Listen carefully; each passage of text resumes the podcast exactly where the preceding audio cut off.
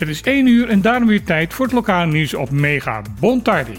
Ik ben Martijn Hiesemuller en dit zijn de onderwerpen van vandaag.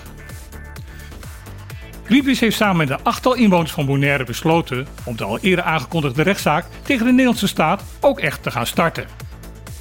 Dit heeft de organisatie vandaag op een persconferentie op Bonaire bekendgemaakt. Gelijktijdig is bij de rechtbank in Den Haag een dagvaarding hierover afgeleverd.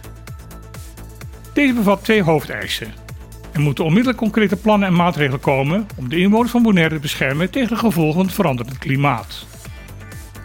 Verder eist Greenpeace dat Nederland als land de uitstoot van CO2 al in 2040 naar nul weet te brengen. Dat is tien jaar eerder dan de overheid nu heeft gepland. Komende zaterdag zal de directeur van Greenpeace Nederland in het programma Op de Klippen verder uitleg komen geven op wat er verder in het kader van deze actie zal gaan gebeuren. De verwachte aanval van de partijen NPB en UPB op de positie van de huidige gedeputeerde Clark Abraham is niet uitgebleven.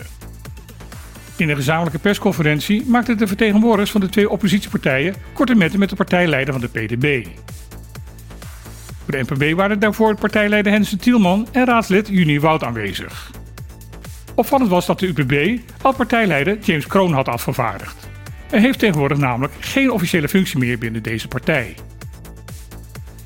Tijdens de persconferentie noemde de voormalige gedeputeerde Tielman de huidige gedeputeerde Abraham een dief. Dit omdat Abraham wel geld van het ziekenhuis zou hebben aangenomen voor de levering van lakens, maar deze slechts heel beperkt heeft geleverd. Ook wordt Abraham door het drietal beschuldigd dat hij wel ABB heeft berekend aan het ziekenhuis, maar deze niet zou hebben afgedragen aan de belasting. De leden van de voormalige bestuurscoalitie vinden het tot slot hypocriet dat de raadsleden Vrolijk en Koffie zich als partners in de huidige bestuurscoalitie nog niet over de kwestie hebben uitgesproken.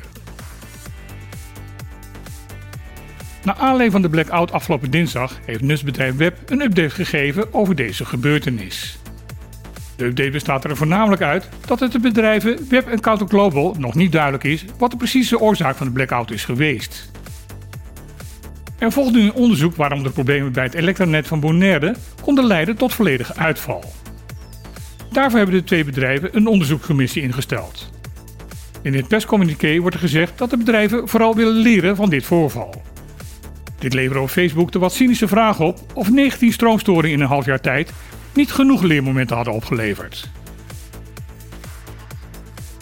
Vandaag gaat de bevolking van het eiland Sint Maarten naar de stembus. Er zal een nieuw parlement en daarmee ook een nieuwe regering gekozen gaan worden. Op de huidige regering is de afgelopen jaar wel de nodige kritiek geweest, maar het is minister-president Silveria Jacobs wel gelukt om de volle periode van vier jaar vol te maken. En dat is op Sint Maarten best een prestatie. Of deze politieke stabiliteit ook een verlenging van haar premierschap gaat opleveren, is nog niet duidelijk. De oppositie wil graag een andere weg inslaan. Volgens deze partijen is de afgelopen vier jaar vooral sprake geweest van stilstand en achteruitgang. Ook dit keer zijn bij de verkiezing veel zorgen over het kopen van stemmen. En dat is niet ten onrechte, omdat in 2018 een parlementariër tot stelstraf is veroordeeld omdat hij stemmen van gevangenen gekocht bleek te hebben. Dit was weer het lokaal nieuws op Mega. Ik wens iedereen een dag toe zonder keuzestress en dan heel graag weer. Tot morgen!